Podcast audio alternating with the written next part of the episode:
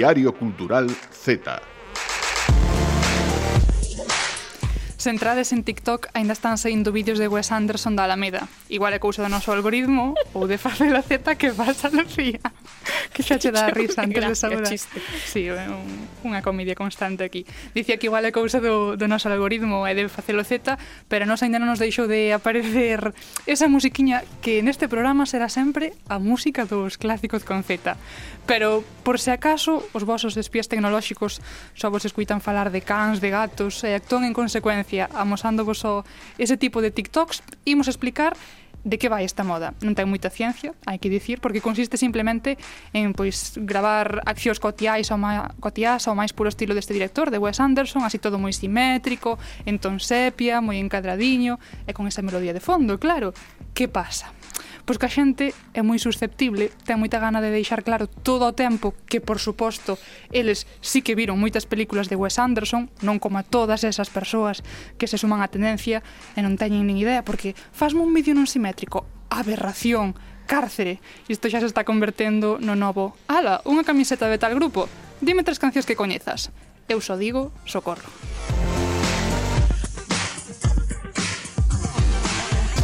Deixade, por favor, os memes seguir sendo memes, que os trends vayan evolucionando ata non ter nada que ver co inicio, todo está ben, deixade a xente gravar TikToks en paz e quedade con nós porque aquí comeza este Diario Cultural Z, no que tamén están Marta Coira, que tal hola, Marta? Hola, que tal? E Lucía Junquera, que xa intuvistes aí pola risa, que sabes sí, xa... Hola. contenta. Que eu paso moi ben este programa.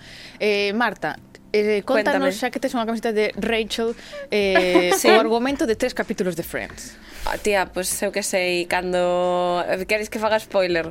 Cando se morrea a Rachel con, con Joey... Mira que non haberá capítulos claro. e queres facer spoiler.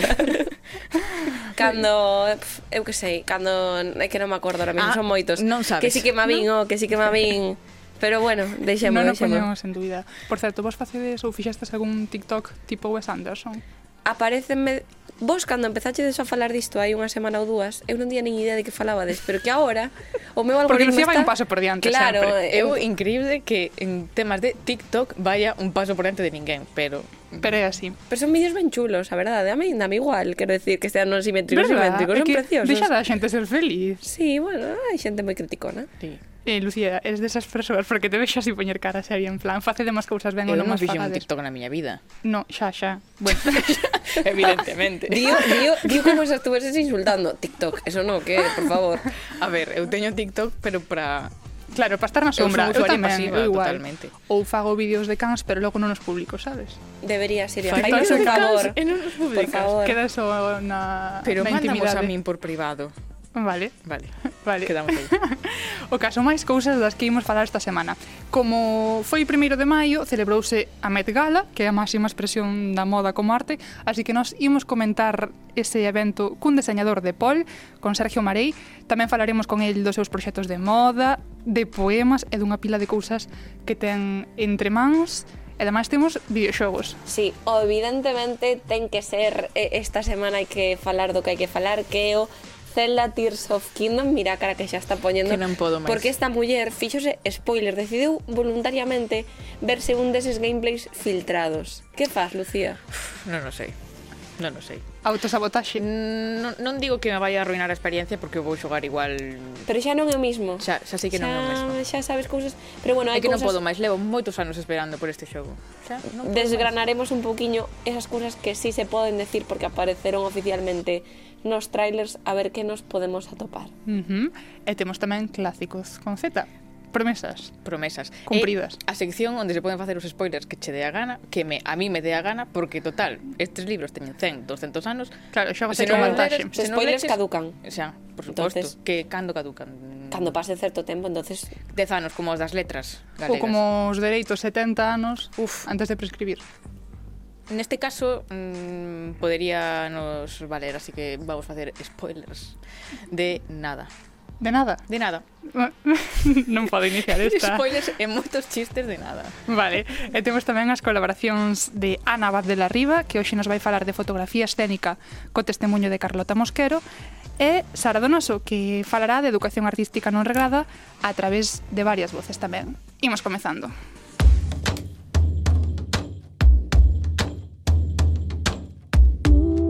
cantaré, no, no he de cantar, no, no.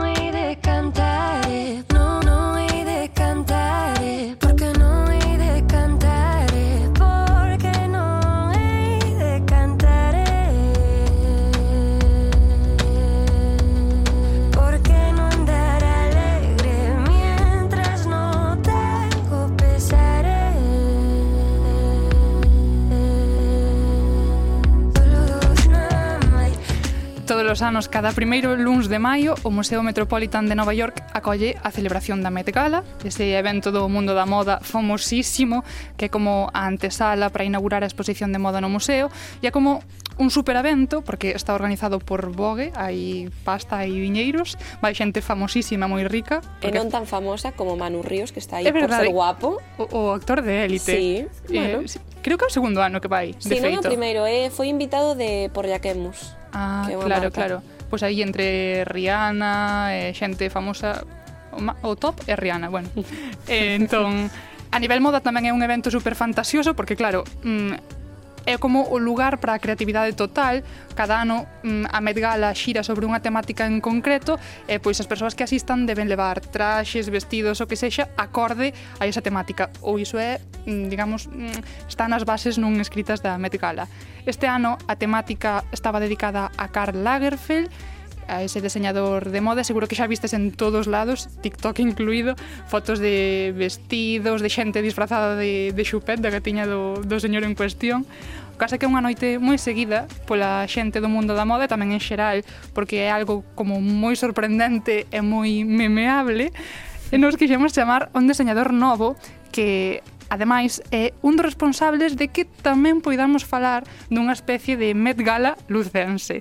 El chamase Sergio Marei, é de Pol, da aldea de Rois, que sempre o, o especifica, E é moitas cousas, xa veredes, é deseñador de moda, sí, pero tamén ilustrador, poeta, é unha das persoas que está detrás da Galería Solaina de Lugo, e próximamente, Sergio, mm, enviado especial para a Met Gala pola Certo Vega.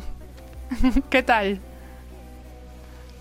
Hola, moitas gracias. Pois ojalá, levádeme, levádeme, un cantao. Que xa vimos aí no Instagram, eh, que reclamabas. sí, sí, sí. Todo se pode son, falar. Sempre reclamo, a ver se algo cae. Eh, por pedir que non quede. claro. Efectivamente, nos chamámoste para comentar a Met Gala, Queremos saber cal é a túa valoración, que nos entres en detalles, en fascinacións, en polémicas. Por favor, mm, a túa conclusión deste evento deste ano. Vale, pois pues creo que é a primeira vez eh, que Ana Wintour eh, sigue o seu propio protocolo, porque por primeira vez, o sea, sempre viste de Chanel, e esta vez estaba xustificado ir de Chanel, porque obviamente Carla, como diseñador da marca, pois había, era o honor que había que facerlle, porque nunca cumple o seu propio código, que eso é bastante fascinante well, cando eres organizador. Empezando por iso. É a xefa, entonces. É a dos cartos. Claro, claro, sí, sí, pero bueno, me refiero, con, con unhas temáticas tan guais como foi no seu ano o, a estética camp hmm.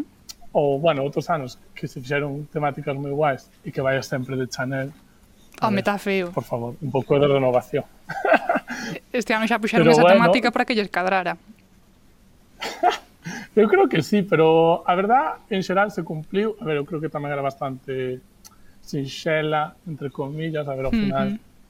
Chanel se renova, pero tampouco é que se renove a uns grandes niveles, como poden ser outras marcas como Gucci ou Louis Vuitton, que según quen este na casa, pois pues, eh, sí que se ve que hai un cambio moi grande.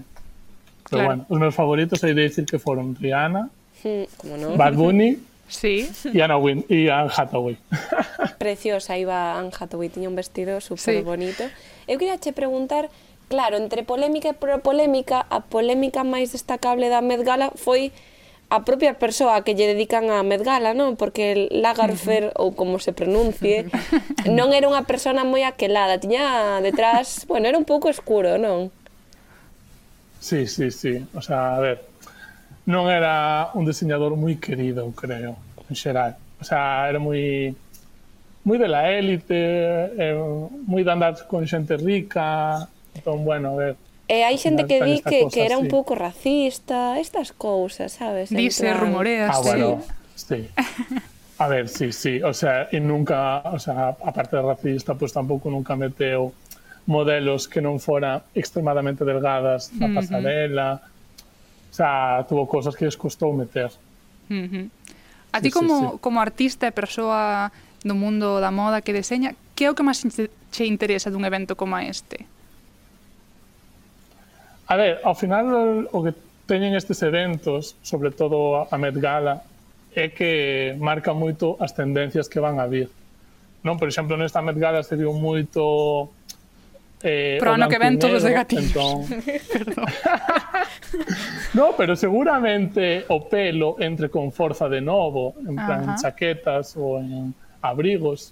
Igual que o blanco e negro que acabo estaba dicindo, pois seguramente vayan a ser dous colores moi importantes na seguinte tempada.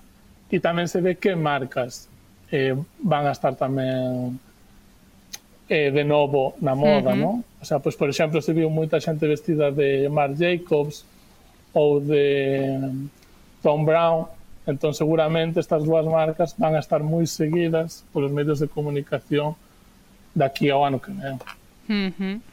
E dicíamos antes que o da Met Gala lucense existía, non era un falar, porque o outro día vin un chío en Twitter da xornalista Marta Otero no que propoñía unha especie de Met a nivel Coruña, non? Con mm. temática local, todos Vexo vestidos... que pasa cando Marta Ortega inaugura a exposición... Claro, sí, pero ali van, pois, mm, como máis mm, con vestimenta tradicional de luxo, sí, oi? Sí, sí. pero tradicional. Pero non, ela quería mm, a fantasía da, da Gala Met. Pero como todo pois primeiro pasa en Lugo. Por suposto.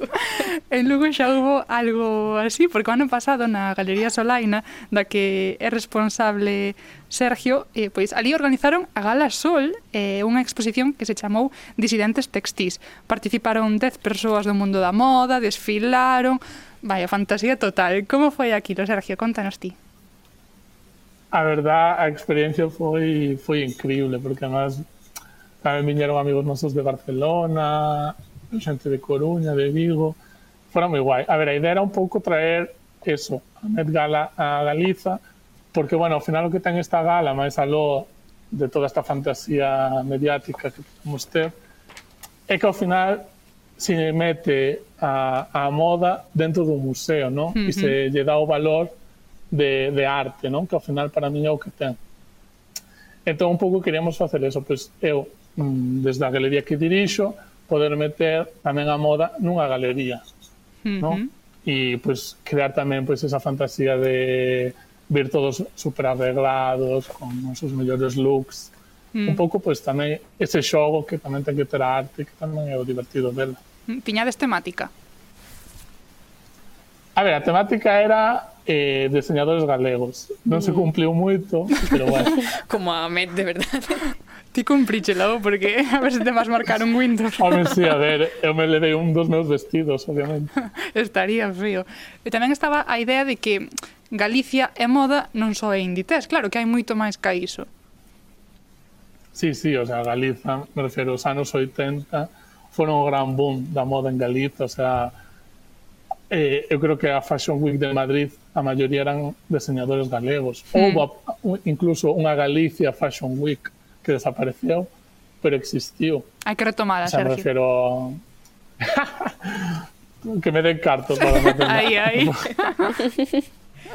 aí está. Pero, pero, jolín, temos a Adolfo Domínguez, en plan, mm. co, co gran fito de meter a arruga na moda, non? Mm. Estamos a favor de, de ese gran fito de meter a arruga. Eu quería che preguntar, Sergio, sí. se este ano vai haber eh, eh, eh, Met Gala lucense? Ou, ou non? este ano non, porque porque no, bueno, por tempos foi imposible porque ando metido en demasiadas cousas e foi un pouco imposible, pero bueno, a miña idea é o ano que ven poder retomar. Uh -huh. E xa estás pensando na temática, non tes aínda moi claro, como van as ideas? Pois pues, non, non o teño moi claro, eh? pero Fai bueno, a mí unha temática que unha temática que me encantaría era poñer en valor a estética rural actual. O sea, que mm. fixen eu, por exemplo, nunha das miñas coleccións en espantallo. Hmm. No, pois esa cousa de que as abuelas ou a xente se viste coa roupa de seus netos, prendas que lle quedan cinco tallas máis grande, prendas arremendadas ou arregladas, non? Porque ao final o que se busca é a utilidade máis al lado que sea bonita ou fea, pero ao final se genera unha estética chulísima mm. para mí esa idea na que recoller, eh, pro ano que ven, e ver aí diseños como os que ti fas eh, baixo ese proxecto con nome de Cas Marei, que se pode ver na túa web en sergiomarei.com, creo que é, se non corríxeme. Sí. Eh, nese proxecto ti sempre apostas pola moda, pero cun componente moi reivindicativo, non? Sí, sí, sí, de feito, a, a, bueno, eu considero que a moda é unha arte, entón, bueno, sempre lle dou ese calificativo. Entón, por exemplo, xa non fago coleccións, que antes cando empezaba decía que facía coleccións, pero agora eu chamolles series textiles, no? un pouco para eliminar esa cousa de produción en serie ou esa cousa que a mí non me gusta do modo da moda. No? E a última, bueno, a última serie textil que fixe chamábase Decreto 79 barra 2010 que levaba o nombre do decreto que a Xunta mm. sacou en contra do galego e que busca un pouco pois eh, mostrar a crisis que está vivindo a nosa lingua e que e da que hai que sacala. Mm. Descríbenos un pouco como eran esas pezas, como reflectías ti eh, na roupa ese, esa protesta contra ese decreto? Bueno, pois eh, partindo unha imaxe dun cartel de bueno, de cando se aproba, quería aprobar o Estatuto de Autonomía, entón era un cartel que era como unha deusa vestida coa bandeira galega. Uh -huh. Entón un pouco recollía esa idea da bandeira galega eh, e as modelos, bueno, que era eu, neste caso, o modelo, eh, vestía esas bandeiras que estaban todas rotas, desgarradas, ensangrentadas, e desas maneiras iban creando as prendas e os looks, non? Uh -huh tamén se pode ver na web de Sergio algunha imaxe dese proxecto que está moi chulo.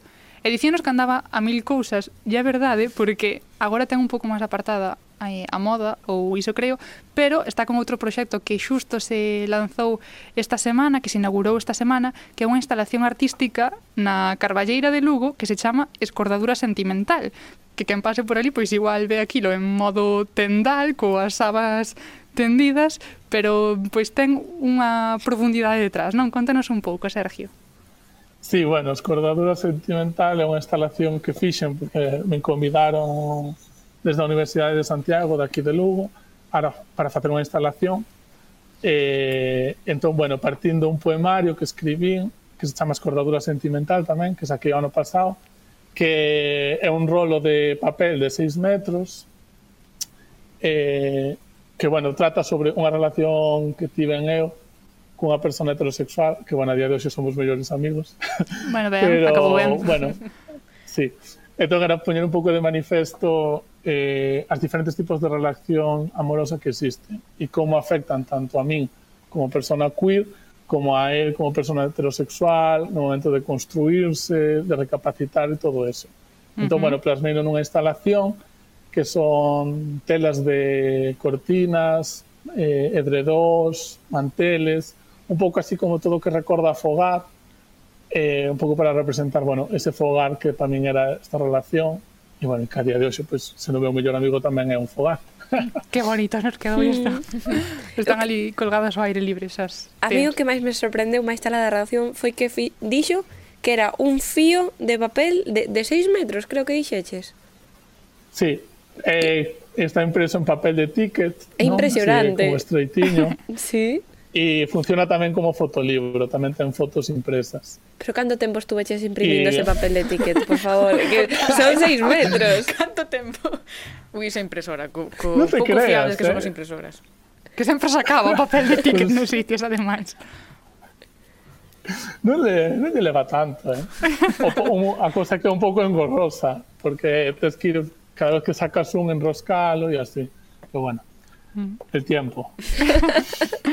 eh, esta vindeira semana, o día xoves 11, estarás recitando algún verso dese poemario de Escordadura Sentimental a carón desa instalación que estableciches ali na Carballeira de Lugo. Entón, imagino que poderá ir verte calquera persoa, non? Sí, sí, claro, está aberto a todo o mundo. Será ás nove da noite. Uh -huh. Xoves 11 ás nove. E presentarei, e presentarei a segunda edición do poemario. Ah, moi ben. Outra vez. Outra vez imprimir. Ahora xa non van ser seis, ahora ten que ser doce, vas engadindo máis, vale. E igual consigues algún récord do mundo, quen sabe, eu deixo a idea. Ai, por favor, si... E para seguinte, si para seguinte gala sol, Sí. Papel, o tema Claro, papel. o tema, Vestidos sí. con papéis. Xa hai dous temas para sí, oh, dúas vindeiras Me gusta, ganas. me gusta. Bueno, he debatido un pouco sobre a Met Gala, eh? Aí o xoves. vale, xa lle te tamén. Moitísimas grazas, Sergio Marei. Un placer. Nada, a ti.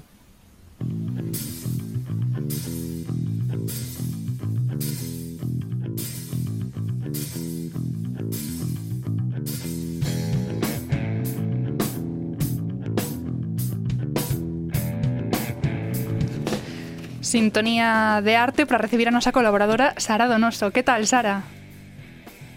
Hola, moi ben, moi ben, estou por aquí. Terás que ir a Lugo, a Carballeira para ver esa instalación, non? De Sergio.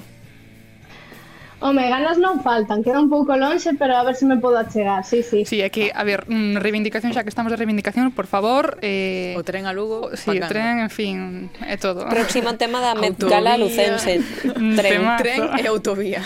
sí. Que nos traes esta semana a ti, Sara? Pois vou dedicar dous programas a unha mesma temática. Uh -huh. O sea, que me dades pouca marxe de tempo, non? Para Meña, teño que buscar solucións creativas.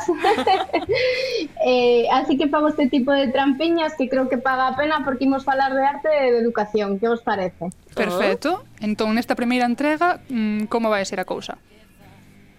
Si, pois nesta primeira entrega imos falar de educación non reglada, non? Eh, un pouco como se plantexa, se hai máis, menos flexibilidade, e xa o vindeiro programa pois abordaremos a seguinte perspectiva que sería a educación dende a institución. Así que neste primeiro programa eu falei con profesionais como Elena Cristóbal, que é directora da Escola Ecoarte de Santiago, Lua Garandaral, que é artista e educadora tamén, e con Eva Monroy, que está ao fronte da Escola Verde Marengo de Vigo.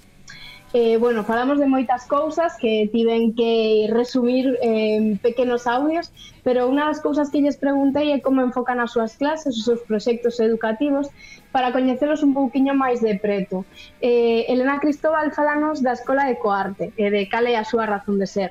Lo que nos identifica como escuela es, eh, yo creo que está resumido en nuestro eslogan, que es cada persona un artista, es la frase de, de Joseph Beuys, Y es que mm, más allá de aprender a los rudimentos de- del oficio, ¿no? a dibujar, a pintar o a fotografiar, lo que nos interesa es entrar en procesos de creación, es hacer proyectos de creación, es que las personas desarrollen proyectos de creación, porque son, son aventuras. Tanto, en este caso voy a hablar de mí, para mí como, como profesora, como, como para ellos, porque ellos se convierten en- no solamente en hacedores de, reproducciones o, o en aprender un oficio, sino se convierten en, en artistas, ¿no?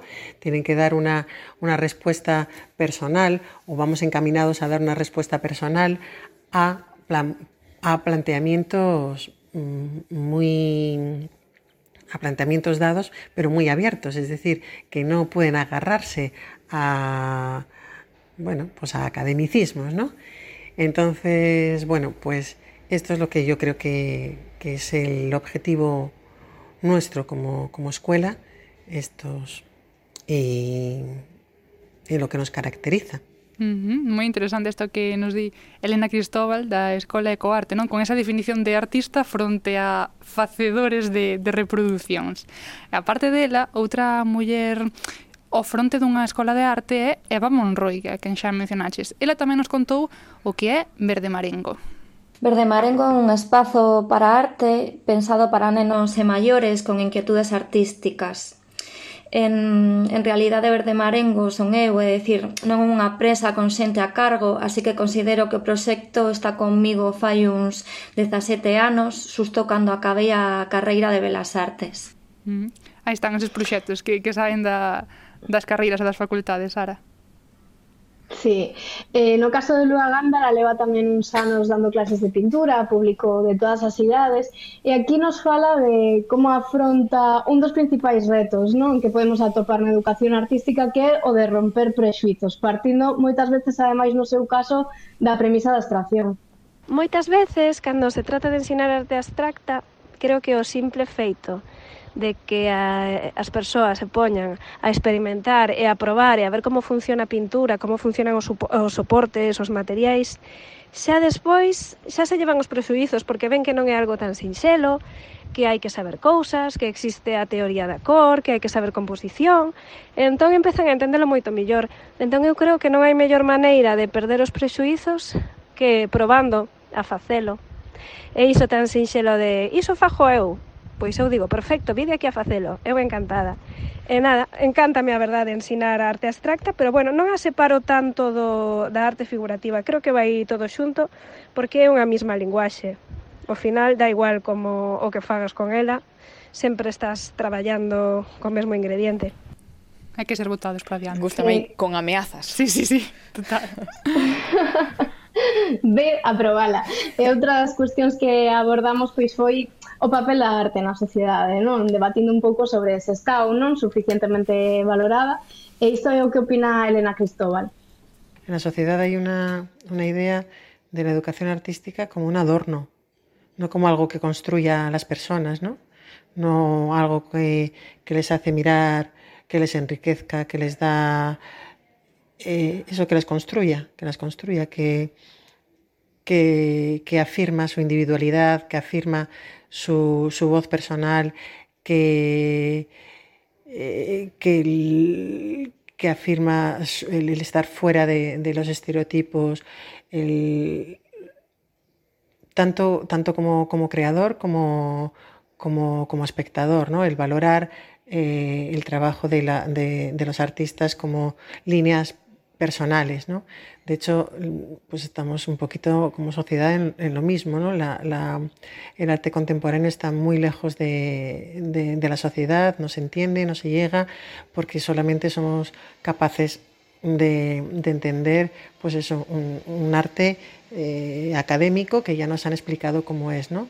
Entonces, esa parte que tiene, que yo creo que es la importante, de enriquecimiento personal, pero no como adorno, sino como construcción de tu propia identidad y de tu propia sensibilidad y de buscar ahí un juego y algo para ti, creo, creo que no. Uh -huh. eh, justamente neste sentido, Lua Gándara contanos unha anécdota moi curiosa que nos fai ser conscientes da importancia da educación artística e de aprender facendo, non de valorar o proceso. Teño un alumno que me dicía A min antes Van Gogh non me gustaba nada, parecía moi atrapallada, pero agora, porque copiou un cadro, xa vexo que aquí hai moitas cores, isto é moi difícil, cuidado. Eh, entón é curioso porque iso, sempre que van probando a facer as cousas, aprenden a aprecialas moito mellor. E iso a verdade é que é moi bonito, porque sobre todo as clases de pintura ou de arte en xeral, o que te ensinan non é tanto a facer cousas e a obter resultados plásticos, que tamén, senón que miras despois o mundo dunha maneira moito máis atenta. E pensas cousas que igual antes non pensaras, faite, obrigache a facer novas preguntas, entendes como a publicidade, por exemplo, a publicidade, os medios de comunicación visuais, pois nos manipulan, e xa non eres tan manipulable, e sobre todo tamén fomenta moito o pensamento crítico, que é algo máis necesario que nunca. Bueno, sempre é necesario, non? Pero importantísimo. Agora que estaba contando Lua esta anécdota, eu estaba me acordando de que aquí no Z xa se dixo que aquí Kandinsky patraña. ¿eh? é verdad. É verdad, sí. Algo que dicir, Culpables. Marta. A min gustame, pero dixen que parece máis fácil do que é, pero que non é, que non é fácil. Non malinterpretedes as miñas palabras, por favor. Pero temos que quedar con estas experiencias claro. porque tamén aprendemos delas, Sara clases de arte para, para todas vos entonces. Sí. Falta, ¿no? Creo que está bastante claro o papel da arte na, na sociedade e que vai máis alá da expresión plástica. Eh, por exemplo, sobre isto, Amoin Roy defende a arte como unha forma de, de pensamento que permite conectar disciplinas que en apariencia poden ser moi distantes. Se algo teño claro é que a arte é unha forma de pensamento e no pensamento artístico saben incluído ese razonamento crítico e máis a creatividade. Aleixamo das definicións da arte exclusivamente como unha forma de expresar as emocións ou o que levas dentro, eh, tan típico como fai a arte terapia. Eh, agora se me ven a cabeza eh, Galileo, que grazas aos seus eh, coñecementos sobre luz e sombra puido interpretar eh, as primeiras imaxes do telescopio e chegar á conclusión de que a luna non era unha superficie pulida, non? como se creía ata entón, ata entonces. Creo que a arte nese sentido é un saber de segundo grado que é capaz de escurrirse en, en todas as disciplinas de coñecemento, en todas as facetas da vida cotidiana. Uh -huh. Hai que pensar de arte pensar en moitísimas cousas, aseguro que nos quedan aínda moitas máis no tinteiro, así que faz ben, Sara, en emprazarnos para unha segunda entrega deste tema de arte e educación. Poderemos falar sobre o alumnado que se interesa por este tipo de educación, sobre máis perspectivas dentro disto, así que, nada, en vindeiras semanas, máis e mellor, non? Así me gusta, así me gusta, moi ben, pero xa estou a anotarvos, eh, para as clases. Igual nos fan falta, si non nos van a sobrar. Moitas gracias. Graciñas a vos, hasta logo. Diario Cultural Z.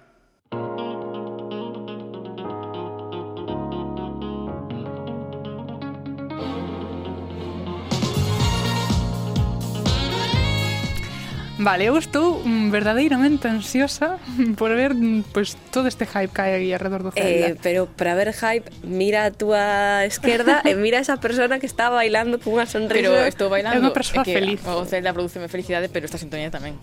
Ah, sí, me gusta, que, moitas sí. gracias, compañeras. bueno, imos falar do, do Zelda Tears of Kingdoms porque vai salir o vindeiro 12 de maio.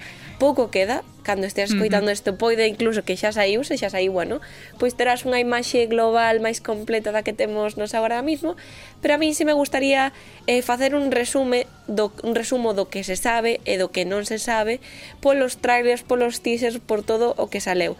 É certo que estes últimos días se filtraron se filtrou varias copias do xogo e hai xente que xa puido xogalo e hai rulando por aí moitos spoilers nas redes sociais. Que Lucía Papón. Non sexades como Lucía, non faga fagades aposta non vos vexades aposta un eh, gameplay, por favor. Non se xades como Lucía así en xeral, eh? Pareceme. O bonito é poder desfrutar do xogo de cero, ver que hai, ver que non hai, a ver que nos depera depara. Estou falando fatal hoxe, desculpade. Porque te pode estou, emoción, estou emocionada, claro. claro. Eu estou xogando actualmente o Breath of the Wild. Por primeira vez. Por primeira vez, sí, por primeira vez. Estou como unha nena tes. e dime de conta que levo tres semanas eh, non lle dedico poucas horas, igual lle dedico 4 ou 5 ao día, depende do día, Cantas. elevo Podemos un dicir que estás na tarde coa switch, coa switch en modo portátil debaixo o, da mesa. O gallá, no, non é certo, é pero... Como persoa responsable, pero vale, gallá, non, non digas a casa, de mentira. Hai veces que Isto é o que lle vai a pasar á xente con este novo Zelda. Que che van a decir, vais a tomar algo e decir, non podo.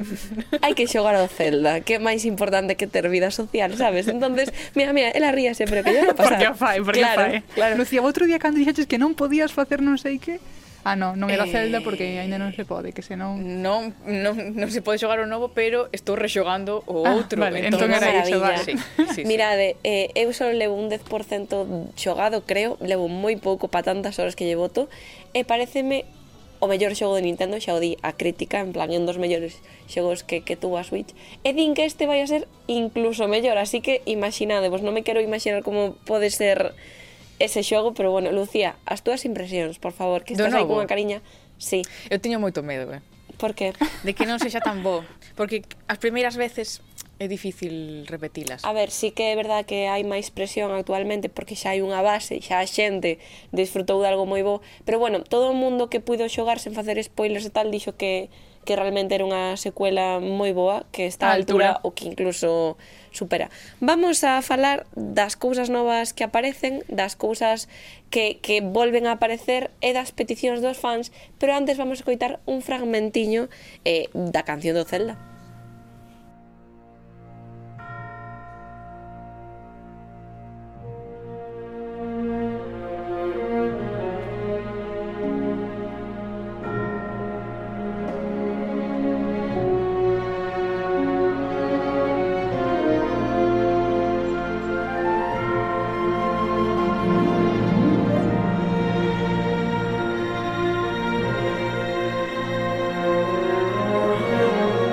moi solemne, verdade. Eh? Moi solemne, nos estábamos de pé, camán no peito, escoitando este himno.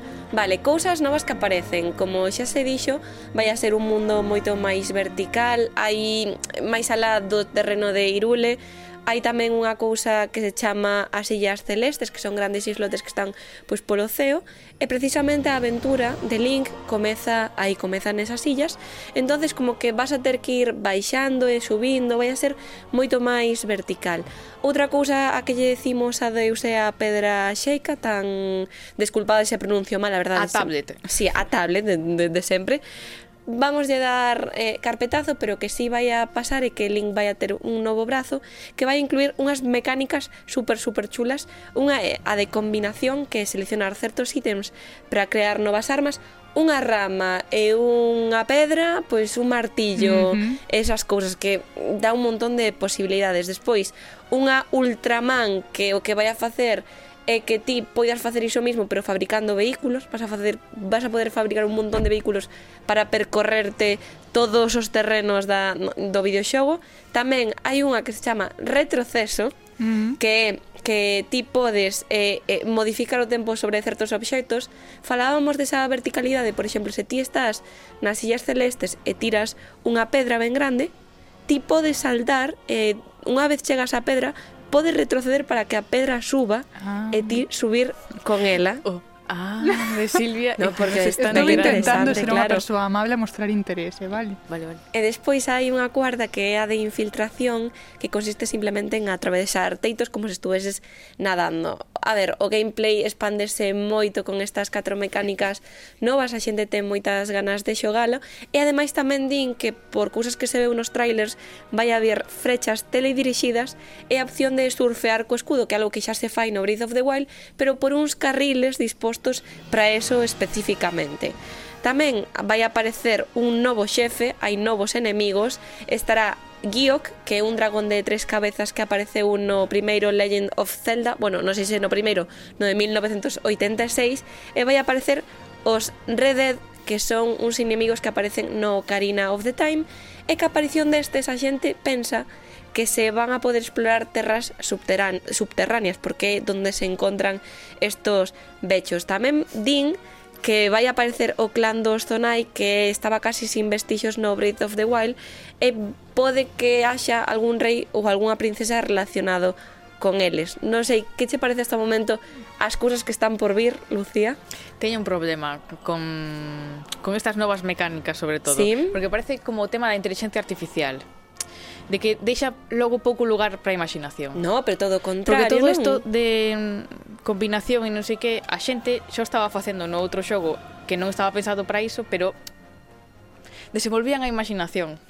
E este, o mellor, como xa cho dan, xa o podes no, pero eu creo que precisamente collendo esas mecánicas poden facer eh, construir novas cousas mm, con moita imaginación, sabes? Non sei, unha casa e unha roda, pois unha, un vehículo a motor que sexa unha vivenda, non sei. Haberá que esperar, haberá que esperar a ver o que di a xente. As cousas que estaban e xa se van manter, unha desgracia. A mecánica das armas que se rompen, 100% vai a estar porque aparece no tráiler. Vas a ter que estar farmeando durante horas para conseguir unha espada de nivel digno para que en 5 segundos se che rompa e teñas que volver a empezar para conseguir outra. Iso vai a seguir así a min pareceme ben porque é a gracia, non? É a gracia para que o xogo sexa un poquinho máis difícil. Tamén os escenarios vanse manter eh, na meirande parte das ocasións, e que vai haber novas cousas sobre esos escenarios. Irule, Irule, o castillo vai estar aí, os santuarios tamén, as terras tamén, pero vai haber como algunhas zonas que cambien un pouquiño. Volverá a ser un mundo aberto, eh, o enemigo o mismo, e eh, Ganon, hai luna carmesí, desta vez a luna non só revive os inimigos que ti mataches despois de tanto esforzo, vai nos facer máis fortes aínda. Ajá. Que pasa, Lucía? Que que non quero interrumpirte, no, perdón, no, no, no, perdón. Di, di, di. Non, non, que mm, o enemigo vai ser Ganondorf, que é o, do, o de Ocarina of Time tamén, que había moitos sí. xogos que non aparecía Efectivamente, ese señor. como ben apunta Lucía. E despois, personaxes que volven a aparecer tamén Zelda, Link, os Kologs, Tureli que é o guerreiro Orni, Riju que é a líder do Gerudo e Sidon que é o príncipe de Zora van a volver a ter papel, van a volver a estar aí, xa apareceron nalgún tráiler que outro, nalgún teaser.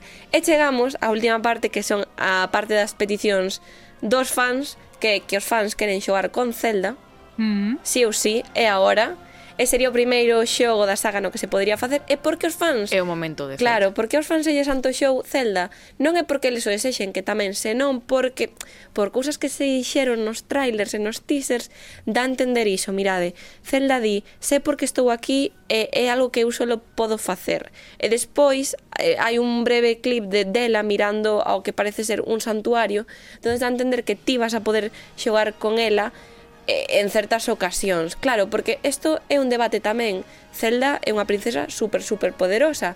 Se ti podes xogar con ela, igual é demasiado fácil. Se a fan demasiado fácil, é como unha con... controversia, non? Claro, pero tamén é, de...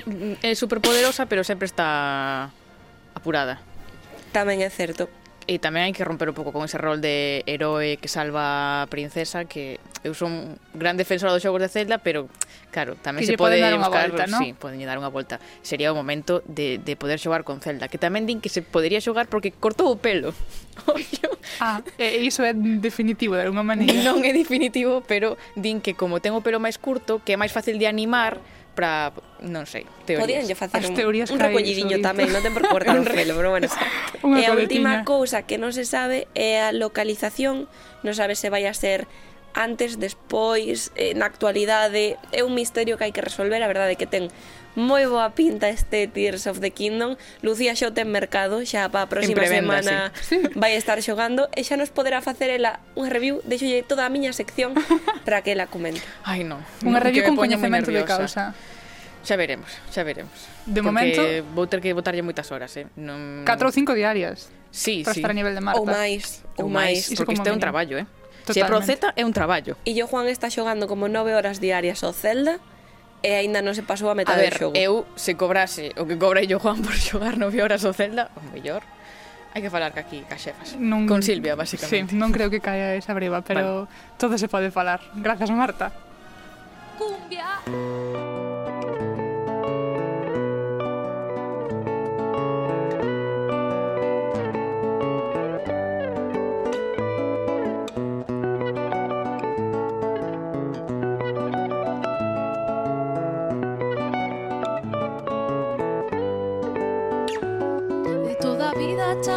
Tempo agora para as artes escénicas e para Ana Abad de la Riva. Que tal, Ana, como estás? Hola, Silvia. Hola, que tal estades? Hola. Unha semana máis seguimos descubrindo proxectos contigo e hoxe ademais tocamos algo novo. Pois imos seguir nese, nesa liña de, de percorrido que estamos facendo por proxectos, por artistas e, e por diferentes áreas e os imos afondar nunha especialidade que xa estivo presente pero non, nunca fundáramos tanto como o imos facer hoxe, uh -huh. que é a fotografía escénica porque os espectáculos de artes escénicas, xa por definición, non, pois son manifestacións artísticas efémeras que se desenvolven no, no directo, na masiado directo, no aquí e agora, non? Pero esa masia tamén ten acusa de que despois o que queda dese, dese encontro non entre as artistas e, e o público, pois moitas veces é pois, as imaxes ou os registros audiovisuais son como os testemunhos que, que quedan, non? Eh, por iso son tan importantes e eu penso que ás veces non se lle dá non a importancia que, que merecen. Mm. Eh, e para chegarnos a esta área pensei que podíamos falar cunha fotógrafa especializada nesta área en fotografía de artes escénicas que tamén é actriz que é Carlota Mosquera. O que me parece fundamental para facer registro de espectáculos é ser un público cautivo. Eu teño a sorte de selo. É dicir, cando empeza unha peza, ten toda a miña atención. Para facer registro de espectáculo, a min o que me gusta é meterme ata a cociña con el. Síntome moi afortunada cando unha compañía no espazo ca iluminación que vai ser fai un pase a tope para min no que eu podo estar pululando por aí en riba das tabuas. Eu traballo moito con obxectivos de focal fixa, isto significa que non teñen zoom, eh, se quero ver algo eh, co enfoque, teñome que achegar ou alonxar del porque así sinto máis real, sabes? Eu, e eles e elas fan a peza de, de corrido e eu vou disparando como se non se fora a repetir, sabes? Porque disa sensación sinto que vive un pouco o teatro. Eh, creo que me gusta facelo así porque tamén son actriz, non? E ademais para, para retratar isto non é só da, non, non só é estar no momento e disparar, senón para min é moi importante saber un pouco a que sabe a peza eh, de antemán. Hai que meterse de cheo na escena, entón. Sí, é moi interesante o que fai ela porque eh, como dicíamos, non, pois a fotografía é un elemento artístico máis dunha montaxe, non? Eh, serve como como testemunho tamén, pero tamén serve para comunicar e serve como reclamo. Entón, se queres mm. que iso realmente chegue, non, que que as imaxes sean eh, atraentes, non? Eh, pois atraían a atención de, de programadores, de programadoras, de, de espectadores e espectadoras, tes que meterte dentro, meterte ata a cociña, eh, capturar a, a esencia visual, a capturar o movimento, hai moitísimas cousas, non? A, as texturas, capturar tamén, pois, eh, o, o cromatismo, non, o estilo. Mm. Eh, Carlota, pois é o que di que hai que coñecer a peza e hai que meterse completamente nela. Por exemplo, en Ragazzo de Barrosanta eh, a min é unha peza que me cheira todo o tempo a birra barata, sabes? É moi punky, entón eh, intentei darlle un aspecto como de cámara desbotable, co enfoque non, non perfecto, non axustado, eh, en vaivén de Marcia Vázquez, que danza. É moi importante o traballo co son, é vertebral a vibración do son na peza. Entón, por momentos, hai fotografías que teñen un toque trémulo, eh, isto considero que afianza moito e, e pon en valor o que está sucedendo. Cando conectas cunha peza para facer o registro visual é unha pasada porque entendes que dende o registro podes aportar moito a creatividade da, do propio traballo proposto. Iso do cheiro a birra barata é como bastante concreto, eh? Sí, sí, é todo moi moi sensorial, eh, mesturas aí todo tipo de, de sensacións para que queden reflectidas tamén na, na fotografía dos mm. cheiros, non? E o que fai ela que notase moito, non o penso, o, o agarimo, o cuidado que ela, que la pon en, en todo o que fai, non? E o fai así con, con moita mestría, non? Eh, creo que ven, eh, deriva, non, pois dese amor que la ten tanto polas artes escénicas como pola fotografía e pola experiencia que ten tamén nos dous campos. E isto todo ela tamén o aplica noutra área que na que tamén se move, que é a fotografía de intérpretes. Ela organiza sesións para actores e para actrices nas que fai pois diferentes dinámicas e, e as axuda non a atopar pois a súa esencia e como resultado destas eh, destas sesións non saen unhas imaxes que a verdade é que están cheas de masia.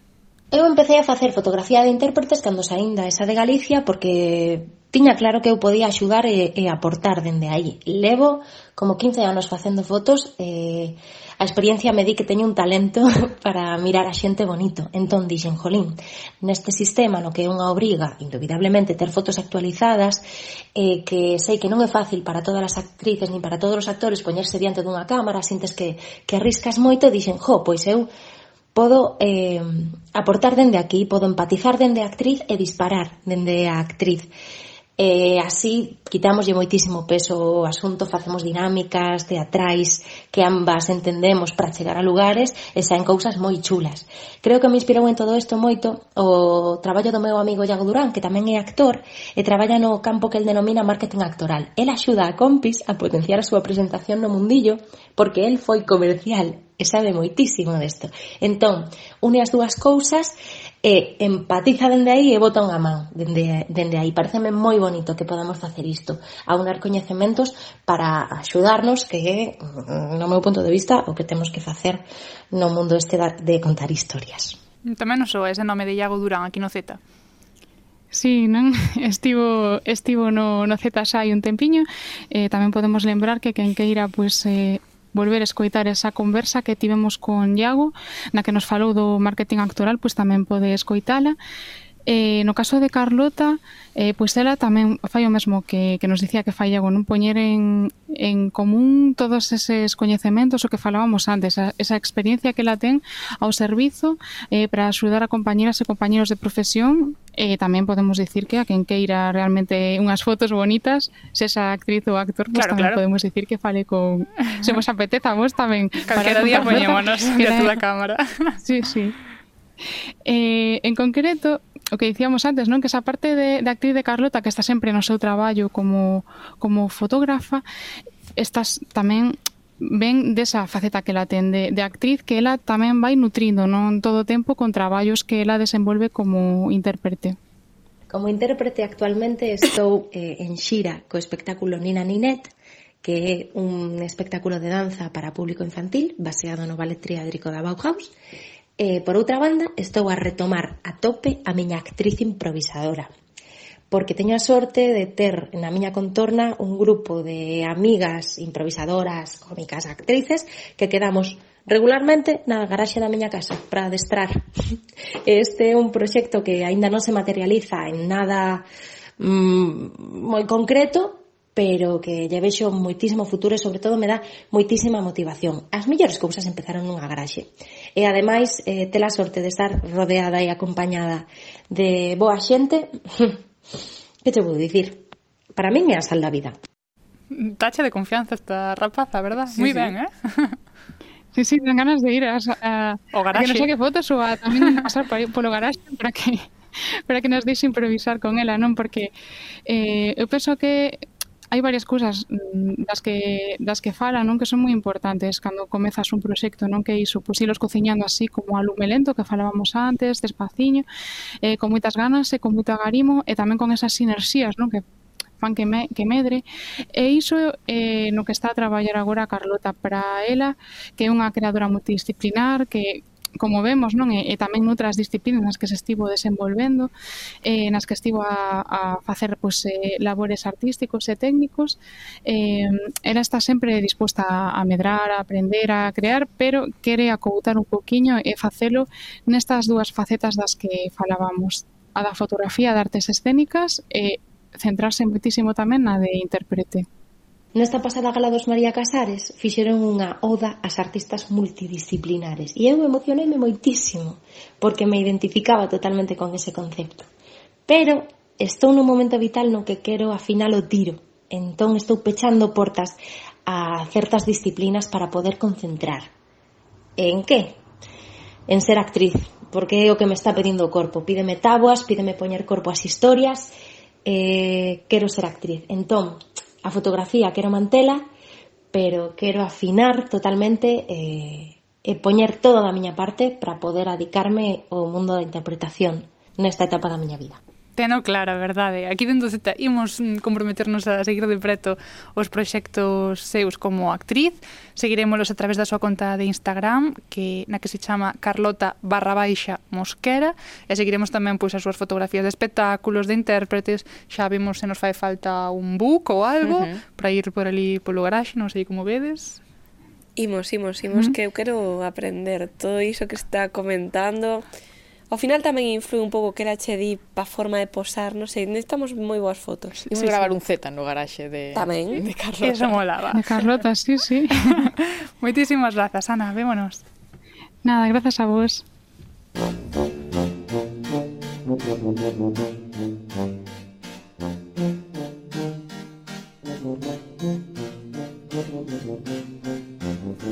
Momento de gravar un TikTok tipo Wes Anderson. Dalle. Eu gravouche... No, tens que sair tipo, ti. Eu por qué? Home. Porque eres a donada sección. Claro, por eso eu dirixo. Mira, eu teño unha idea. Sí. Vimos de azul para o próximo día para ir un pouco co ambiente e grabamos TikToks en plan con libros de a lo Wes Anderson pero misturado ca sección, vale? Que che parece? Pareceme ben. Pareceme ben. Oxe, que, que libro sería? Ah, Oxe... Ah, non, non, que pasa, que pasa? Que ibas mm, decir? Non, non, que eu prefiro gravar, de verdade. Eh, non, non Porque está sobre a mesa. Porque os simétricos fábulos chulada. Maravilloso, sí, sí. A mí non se me torden os planos, eh? Entonces vos poñedes vos de modelos e eu fago... Vos ah, no, aquí eu se non teño a Carlota Mosquera ao outro lado. Pero chamámola. Pero entón xa non grabas ti. No, ela... Non sei se me está seguindo. No. eh, clásico, de, a mí deixa de me falar que eu de audiovisuais... Pero se non vas falar de nada. non ides chegar a nada. Empezan aquí Onde queres chegar, Marta? Onde queres chegar máis lonxe que o Z? Pregunto. Pero queres decir que non pillache, o sea, non, non captaches o chiste. Ah, había un chiste aí. Claro. Que non vas chegar a, a nada. nada. Era unha transición moi elegante para deixar de verdad de discutir e que presentas o libro, por Pero favor, nada, Lucía. Yo, mira, por favor, que hoxe dixen a Silvia antes. Sí, sí. Teño aquí unha cantidad de chistes de nada e o jiji, jaja, pedindo permiso para contar chistes. Como se eu fose aquí a censora. E que me pillaches por sorpresa porque os chistes ibas contalos eu. Entón, Pero nada, sí. Non, ahora nada no. Este non ganaches. Por favor, Isto é cando nos preguntou a, direc a, a directora, fin. a produtora do programa, de que vas falar hoxe, Lucía? De nada. E a xente non me toma en serio. Mm, bueno, Pero en serio, razón. porque eu prometín aquí fai mm. 15 días, 15 días. Hai Sí, hai un tempiño. Prometín en programas falar, anteriores. Que iba a falar de nada. Entón, eu eu cumpro as miñas promesas, sempre débome a audiencia do Diario Cultural Z e mm, imos falar de nada de Carmen Laforet, que é un reto moi grande, eh? Uh -huh. Un reto moi grande. Resulta so... moi complicado explicar nada. Porque Por favor, que é un libro moi serio, sí, eh? Meña. Parece que estamos aquí contando no. chistes. No, é, é que de verdade que parece que vou falar vou dicir cousas serias e parece que estou de, de risa. Non, non, xa nos poñemos serias con un semblante así de vale. persoas responsables. É que é eh... unha novela que causou unha fonda impresión en mí. no, tampouco nese. Hai canta liches. Mm, hai moitos anos que alín, pero que a releo mm, non voluntariamente, senón que a vida me leva a buscar wow. o libro de que novo. bonito. Sí, a que sí.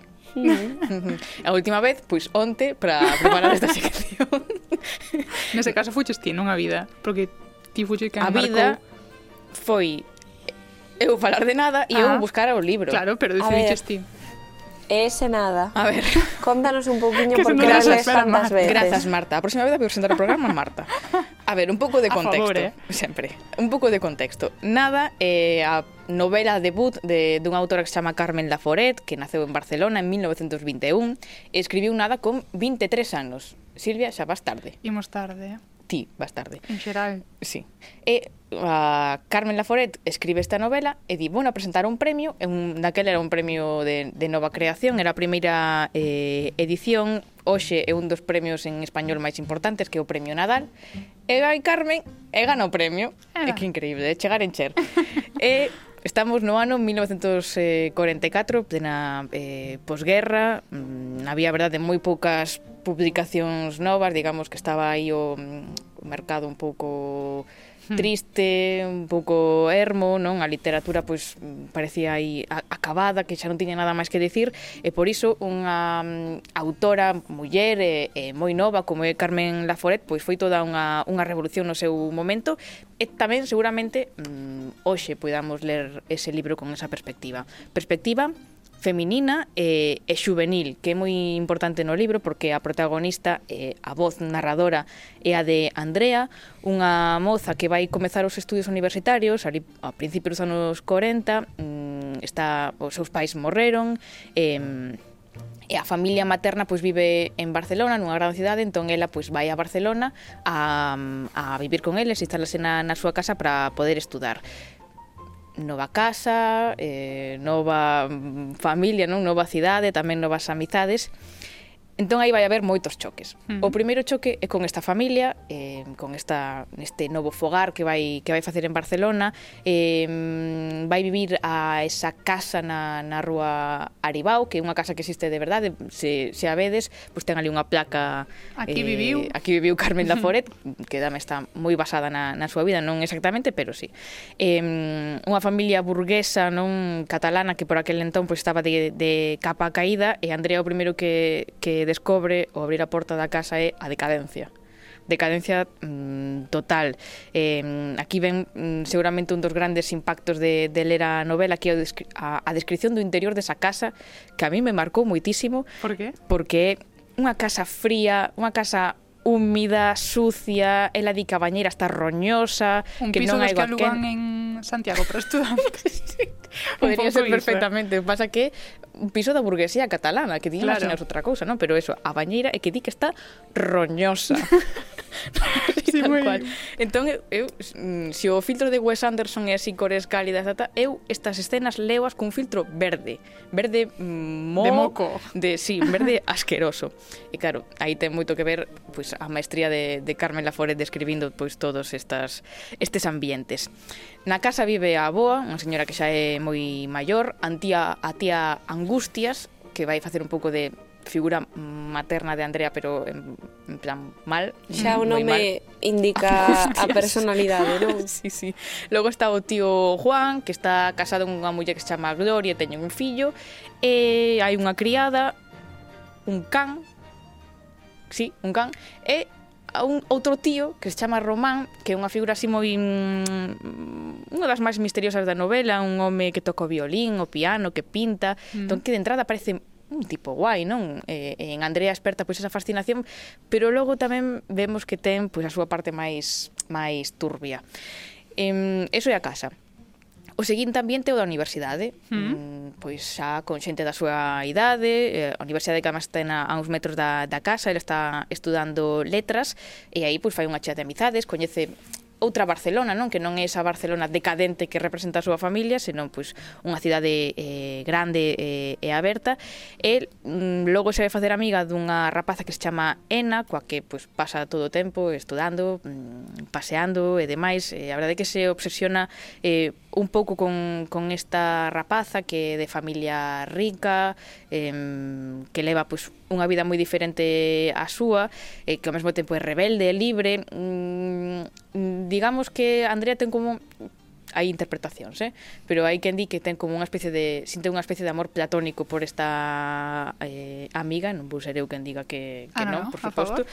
E eh, mm, a verdade é que Andrea está continuamente rodeada desta xente eh, nova, non? Pero a verdade é que non pode mm, deixar de sentirse terriblemente soa ao mesmo tempo, non? Nin con ese tío Román que é tan guai, nin con, con Ena é capaz de estar totalmente cómoda, logo fais amiga duns, mm, duns ricos que son así moi bohemios, pero ve que todo mm, falso, que, mm. que non hai nada detrás desas, desas caretas, e, e, e iso, pasa un ano vivindo en Barcelona, estudando, e o final dese ano pois atopas un pouco no mesmo punto no que estaba ao principio, non? Vemos aí o sentido un pouco do do título desa mm. mm. eh, nada, non? Porque mm, parece que viviu moitísimas cousas eh claro, un ano nunha cidade nova, primeiro ano de universidade, pero logo vemos que... Desinflas un pouco todo. Sí, desinflas todo.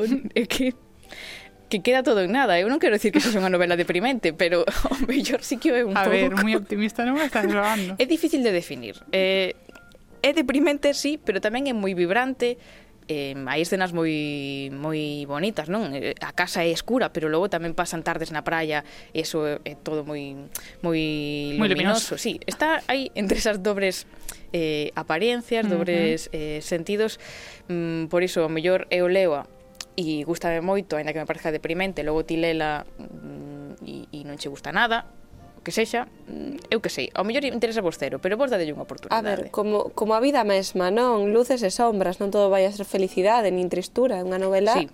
real, podemos decir.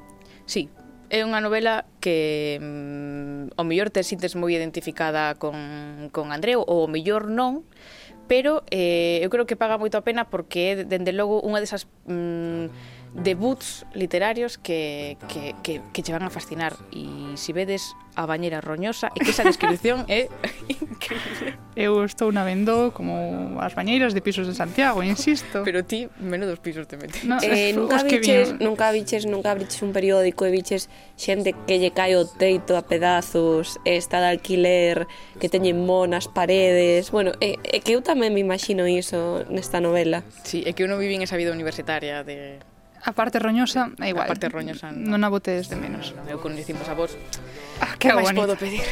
Para acabar de deprimirnos. Sería absurdo como llegar a un hotel con puertas cerradas, ni bienvenidas, nada, nada. Seré capaz.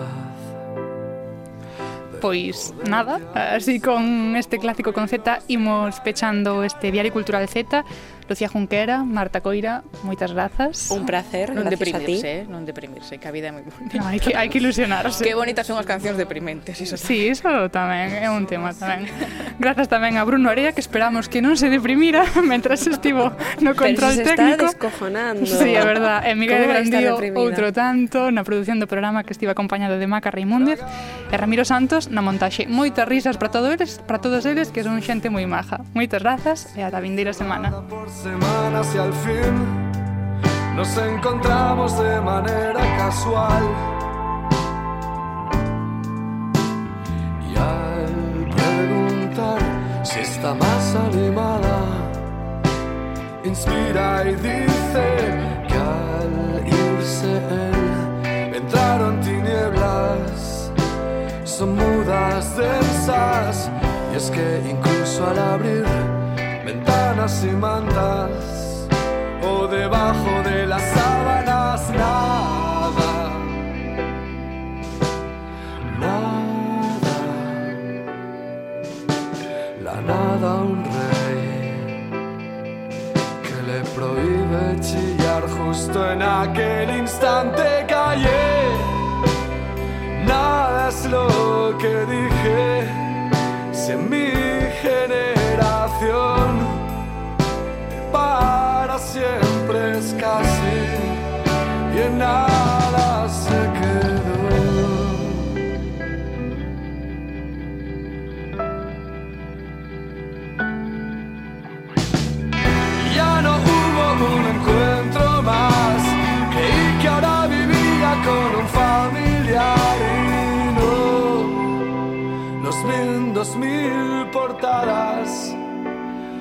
caso singular. Leí que se llevaron 100 millones de un banco y sé, la cámara blindada brilló y todo había salido genial. Quién sabe dónde anda